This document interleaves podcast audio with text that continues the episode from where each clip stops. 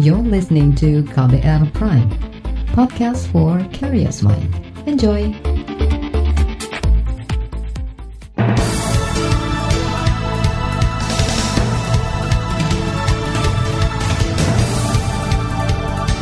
Selamat pagi saudara, senang sekali kami bisa menjumpai Anda kembali melalui program Buletin Pagi, edisi Selasa 10 November 2020 bersama saya Agus Lukman. Sejumlah informasi pilihan telah kami siapkan di antaranya pemerintah mengklaim stok pangan aman hingga tahun depan. Efek kemenangan Joe Biden diperkirakan memperkuat bursa saham dalam negeri selama sepekan ke depan. Hampir seribu orang di Jawa Tengah mengungsi akibat erupsi Merapi. Inilah Buletin Pagi selengkapnya. Terbaru di Buletin Pagi. Pemerintah memastikan 11 komoditas pangan di Indonesia masih mencukupi hingga awal tahun depan. Sebelumnya, Organisasi Pangan Dunia FAO memperingatkan risiko krisis pangan global akibat pandemi COVID-19. Menteri Pertanian Syahrul Yassin Limpo mengatakan stok 11 komoditas pangan yang masih mencukupi antara lain beras, jagung, bawang merah, bawang putih, dan cabai besar. Uh, artinya 11 uh, komoditi dasar ini saya kita sudah siapkan dan insya Allah bisa terjamin 2020 kita lewati, tapi saya mempersiapkan segalanya sampai 2 tahun. Menghadapi pandemik ini 2 tahun, jadi konsepsi saya sampai 2 tahun, tidak cuma saat sampai Desember. Menteri Pertanian Sarul Yasin Limpo mengatakan pasokan utama 11 komoditas pangan berasal dari dalam negeri dan impor. Meskipun ancaman fenomena cuaca ekstrim La Nina masih tinggi, namun Syahrul meyakini tingkat puso atau gagal panen tidak akan melebihi dari 4 persen. Kementerian Pertanian juga mengklaim cadangan stok beras saat ini masih surplus 8 juta ton hingga awal tahun depan. Selain itu, pemerintah juga menyiapkan lebih dari 8 juta hektar lahan pertanian di tanah air. Sementara itu, LSM yang fokus di sektor pertanian dan lingkungan, Walhi meminta pemerintah menampung hasil panen dari petani lokal untuk mencegah terjadinya krisis pangan. Koordinator kampanye Walhi, Edo Rahman, mengatakan Proyek food estate atau lumbung pangan bukan solusi tepat untuk mengatasi ancaman krisis pangan. Selama ini belum ada kajian matang mengenai keberhasilan lumbung pangan mengatasi krisis pangan. Bahkan food estate berpotensi meminggirkan hasil panen petani lokal kalau jawaban yang paling praktis hari ini adalah ya memberdayakan petani-petani e, lokal gitu. Karena kan kita juga sempat impor sayur. Kalau tidak salah itu di bulan April kemarin itu rame impor sayur. Dan nah ini kan sebenarnya tanggung jawab dari pemerintah untuk bagaimana mengakomodir semua panen-panen petani-petani kita, keluarga-keluarga petani yang yang ini bisa me, menjadi bahan baku untuk pangan, tidak kemudian melulu bergantung dengan dengan dengan impor. Koordinator kampanye LSM Walhi Edo Rahman menambahkan ancaman krisis pangan harus ditangani segera, di antaranya dengan mengakomodasi hasil panen para petani kecil. Walhi juga menyarankan pemerintah belajar dari kegagalan proyek lumbung pangan di masa lalu. Komisi Bidang Pertanian di DPR meminta pemerintah khususnya Kementerian Pertanian mengantisipasi sulitnya petani mendapatkan pupuk untuk meningkatkan produktivitas pertanian saat pandemi COVID-19. Anggota komisi yang membidangi pertanian di DPR, Bambang Purwanto mengatakan, banyak petani kini mengeluhkan sulit mendapatkan pupuk. Padahal pupuk menjadi kunci menjaga produktivitas yang nantinya berujung pada ketahanan pangan. Jadi harapan petani itu pupuk subsidi lancar, pupuk non subsidi pun selalu tersedia. Ini daerah kan tidak tersedia. Ini kan perlu dipikirkan oleh kementerian ini. Kalau kita untuk meningkatkan ketahanan pangan kan produktivitasnya harus ditingkatkan. Anggota Komisi Bidang Pertanian di DPR, Bambang Purwanto menambahkan, jumlah pupuk subsidi yang didistribusikan kini tidak memenuhi kebutuhan seluruh petani di perdesaan. Petani juga mengeluhkan sulit menggunakan program kartu tani. Kritik serupa juga datang dari kelompok kontak tani nelayan andalan KTNA. Ketua Umum KTNA Winarno Tohir meminta pemerintah memenuhi alokasi pupuk bersubsidi bagi para petani. Pemenuhan ini penting guna mencegah krisis pangan terjadi di masa pandemi COVID-19. Winarno mengatakan banyak petani di daerah mengeluhkan sulitnya mendapatkan pupuk bersubsidi, apalagi saat ini tengah memasuki masa tanam kedua. Jadi yang penting cukupi kebutuhan petani. Yang pertama pupuk, kedua permodalan, kur, kur ini sangat penting untuk para petani modal. Kan dengan ada modal, petani juga menggunakan teknologi. Teknologi menggunakan benih yang bermutu, menggunakan pupuk yang bermutu, yang asli maksudnya, bukan pupuk asal-asalan, eh, sehingga produksinya bisa meningkat. Ketua Umum Kontak Tani Nelayan Andalan Winarno Tohir merinci para petani yang sulit mendapatkan pupuk bersubsidi di antaranya berada di Jawa Timur, Jawa Barat, Banten, Lampung, dan Sumatera Selatan. Ia menyarankan pemerintah menambah alokasi pupuk bersubsidi minimal seperti tahun 2018 yang mencapai 9,5 juta ton. Sementara itu pengamat ekonomi pertanian Bustanul Arifin meminta pemerintah memperhatikan disparitas atau kesenjangan ketahanan pangan antar daerah di Indonesia. Bustanul mengatakan perubahan komposisi penduduk perkotaan yang melebihi penduduk pedesaan menambah tekanan pada pangan dan gizi. Ia mengatakan persediaan komoditas pokok pangan perlu dicermati oleh pemerintah agar produksi dan distribusinya merata. Jadi disparitas seperti ini ada untungnya Tuhan Maha Adil di tempat-tempat dengan produktivitas rendah ini kalau overall ya, kalau makro penduduknya nggak banyak juga. Tapi kan dengan pertumbuhan penduduk yang tinggi, saya khawatir di tempat-tempat itu kelak akan akan pressure-nya akan lebih besar lagi. Pengamat ekonomi pertanian Bustanul Arifin menambahkan pemerintah perlu menjaga ketersediaan di setiap daerah dengan berbagai jumlah penduduk. Ia menyebut disparitas produksi beras saat ini lebih banyak bertumpu di Pulau Jawa dan Sumatera. Saudara, para buruh kembali mendesak DPR untuk melakukan uji legislasi Undang-Undang Cipta Kerja. Informasi selengkapnya hadir sesaat lagi, tetaplah di Buletin Pagi KBR. You're listening to KBR Pride, podcast for curious mind. Enjoy!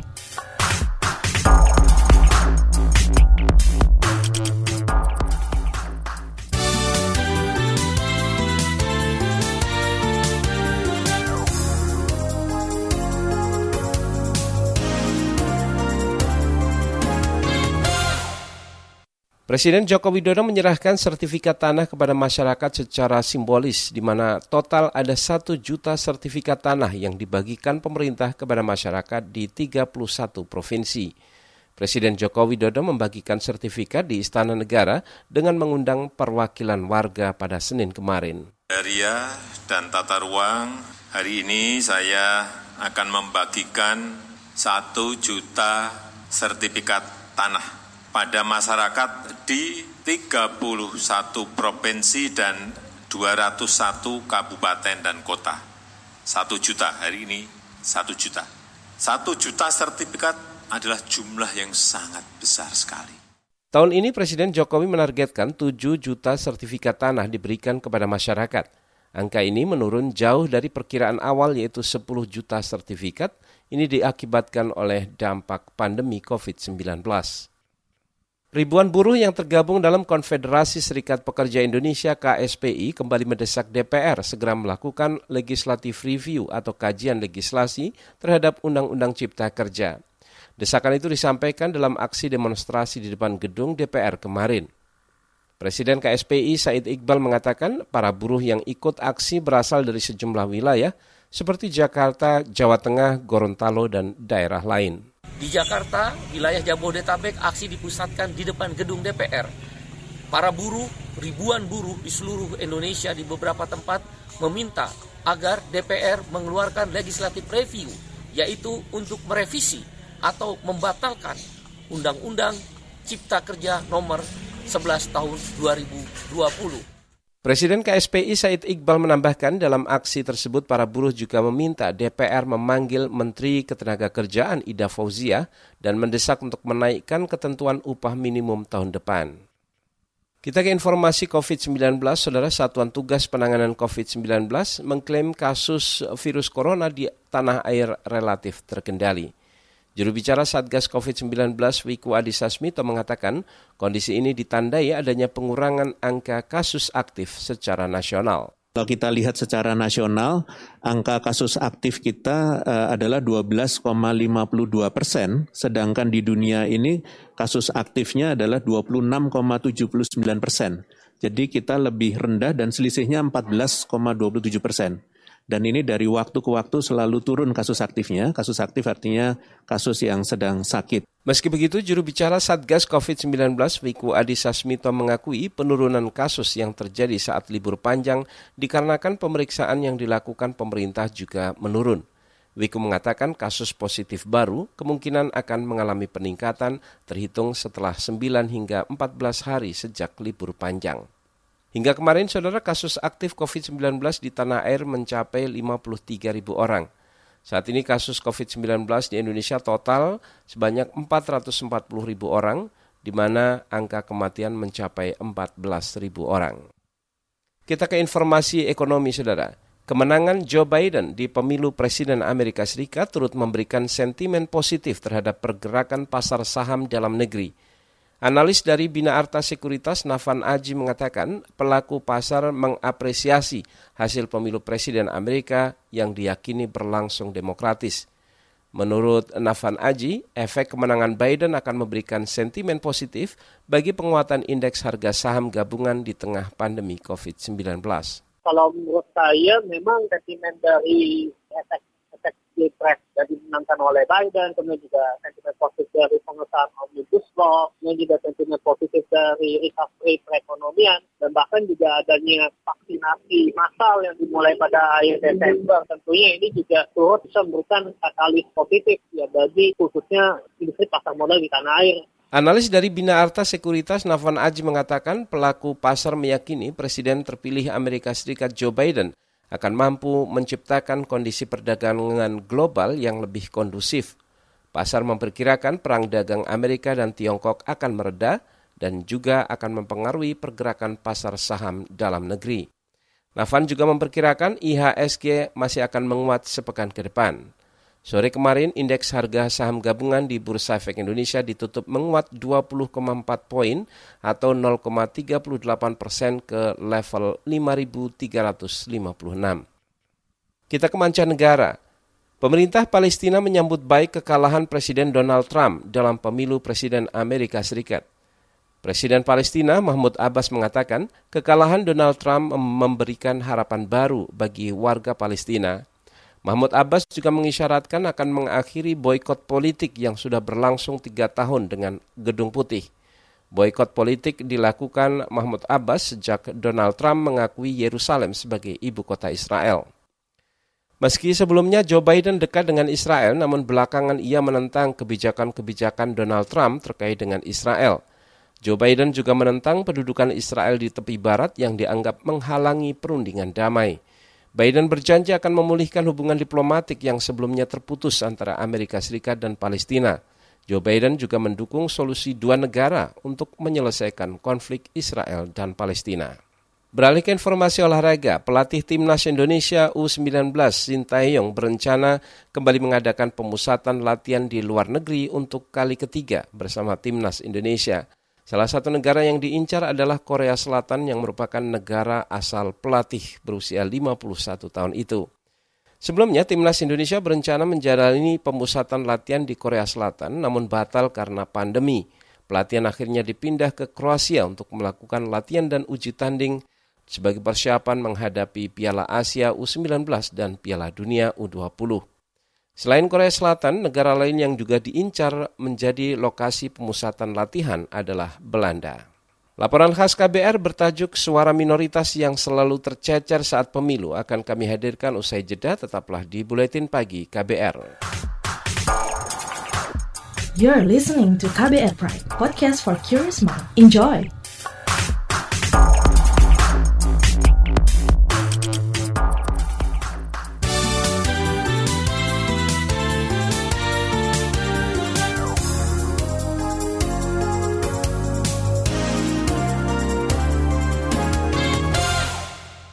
Anda masih mendengarkan Buletin Pagi KBR.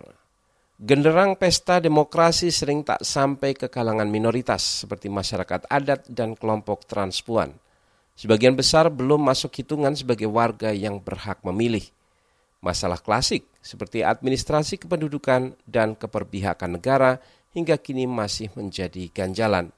Berikut laporan tim KBR dibacakan Astri Yuwanasari. Jelang sebulan menuju hari pemungutan suara pilkada, suku orang rimba di selatan Taman Nasional Bukit 12 Jambi belum mendapat sosialisasi apa pun dari penyelenggara pemilu. Mereka juga tidak mengenal siapa saja kandidat calon pemimpin yang berebut kursi kepala daerah. Pemangku adat orang rimba Depatin Jalo mengatakan, di pemilu-pemilu lalu biasanya ada penjelasan dari kepala desa terdekat. Bertanya pada kadu-kadu ini. Misalnya kalau kadu... Bertanya pada kadus-kadus. Misalnya kalau kadus mengatakan yang nomor sekian namanya si Anu, kegiatannya ini, tanggung jawabnya ini kepada masyarakat. Ataupun yang nomor sekian, namanya ini, rencananya terhadap rakyat, kita yang bisa menentukan nomor berapa, siapa yang kira-kira bertanggung jawab pada masyarakat. Selain minimnya sosialisasi, banyak orang rimba yang belum memiliki KTP elektronik. Hal ini membuat mereka dipastikan bakal kehilangan hak suara.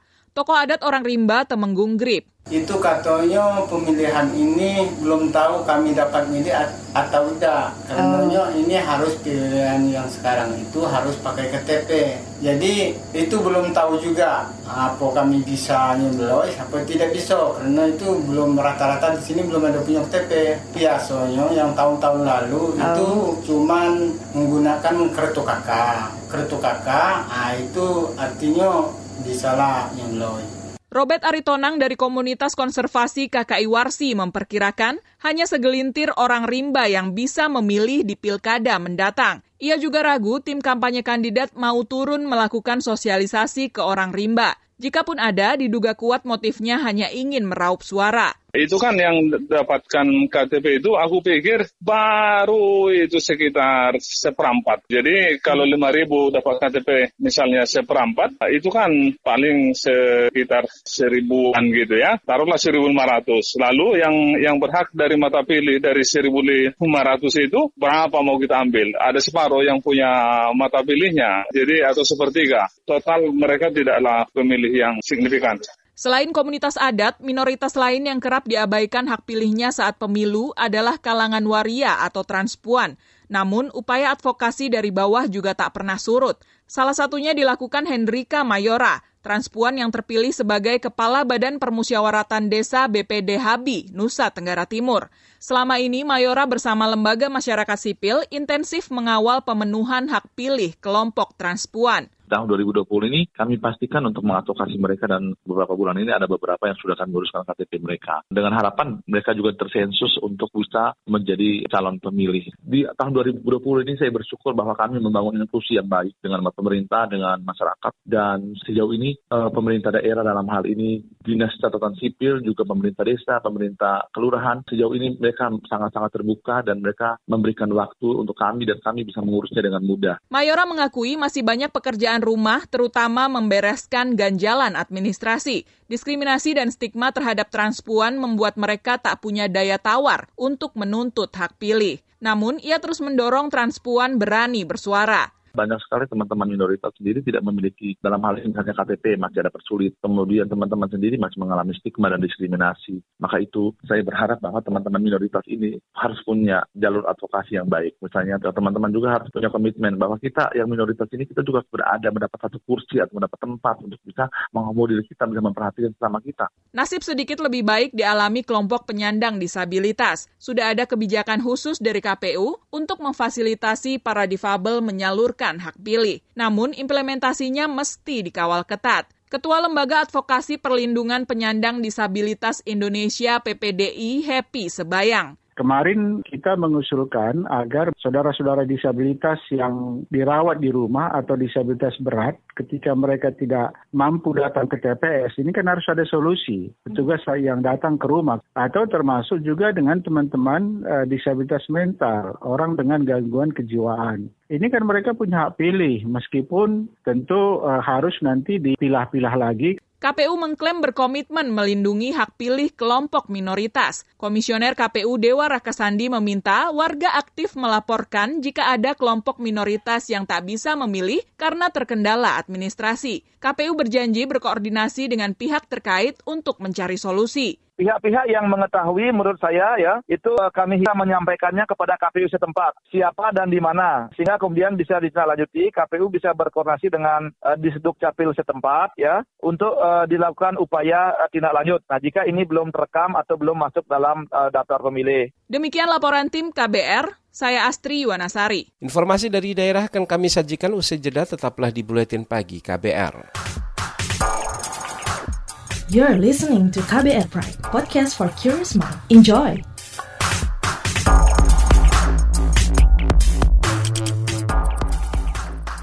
Commercial break. Commercial break. Commercial break. Psikolog klinis Gisela Tani Pratiwi membagi tips caranya berdamai dengan trauma masa kecil uh, ayah atau ibu saya mengata-ngatai saya dengan kalimat tertentu. Misalnya kamu bodoh, misalnya katakan gitu ya. Itu terngiang terus sama saya, itu dampak emosinya apa ke saya?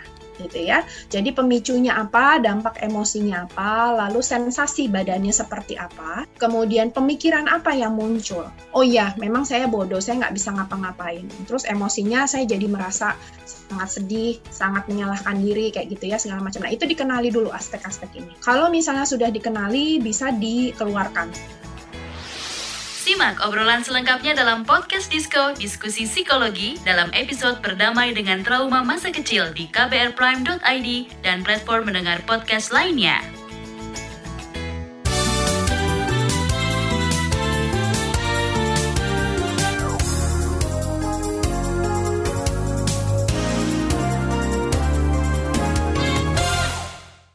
Inilah bagian akhir buletin pagi KBR. Kita ke Jawa Tengah. Hampir seribu orang di tiga kabupaten di Jawa Tengah diungsikan untuk mengantisipasi jatuhnya korban jiwa akibat ancaman letusan Gunung Merapi. Pelaksana tugas Badan Penanggulangan Bencana Daerah BPBD Jawa Tengah, Safrudin mengatakan, evakuasi diutamakan untuk kelompok rentan seperti ibu hamil, anak-anak, lansia, dan difabel. Data jumlah pengungsi sekitar 961, di Kabupaten Magelang 786, di Klaten 175. Melalui hari ini baru akan diungsikan uh, dari beberapa dusun di Telogolele ke shelter di Desa Telogolele. Sekitar 50-an orang, sekitar 16 tempat titik pengungsian. Terus ada juga yang melalui apa yang disebut dengan sister village. Jadi satu desa dipasangkan dengan desa yang lain. Pelaksana tugas Kepala BPBD Jawa Tengah Safrudin juga berkoordinasi dengan pemerintah daerah lain terkait penyediaan posko pengungsian dengan protokol kesehatan COVID-19. Sejak pekan lalu, status Gunung Merapi naik dari waspada menjadi siaga atau level 3. Masyarakat yang berada di radius 3 hingga 5 km diminta waspada. Beralih ke informasi pilkada. Kita ke Jawa Timur, pelanggaran protokol kesehatan COVID-19 mendominasi jenis pelanggaran selama masa kampanye Pilkada serentak 2020 di Jawa Timur. Anggota Bawaslu Jawa Timur Purnomo Satrio Pringgadido mengatakan bentuk pelanggaran di antaranya tidak memakai masker. Ada lebih dari 100 pelanggaran yang masuk ke Bawaslu hingga akhir Oktober lalu. Kabupaten Malang menjadi daerah terbanyak terjadinya pelanggaran.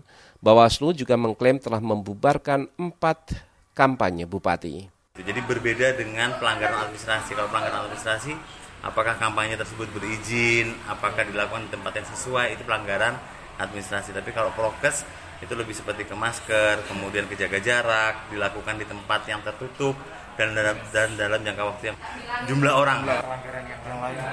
Nah kalau dilihat dari presentasinya memang saat ini masih saya masih belum bisa bicara persentase tapi kalau terkait dengan angkanya itu tadi ada 129 terkait dengan prokes, uh, uh, protokol kesehatan. Anggota Bawaslu Jawa Timur Purnomo Satrio Pringgadikdo menambahkan pelanggaran terbanyak kedua adalah pelanggaran administrasi yang mencapai seratusan laporan.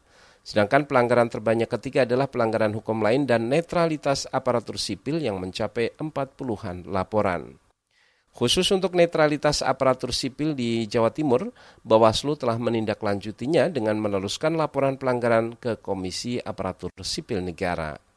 Informasi tadi menutup jumpa kita di Buletin Pagi hari ini. Pantau juga informasi terbaru melalui kabar baru, situs kbr.id, Twitter kami di akun @beritaKBR, serta podcast di alamat kbrprime.id. Akhirnya saya Agus Lukman, kami undur diri. Salam.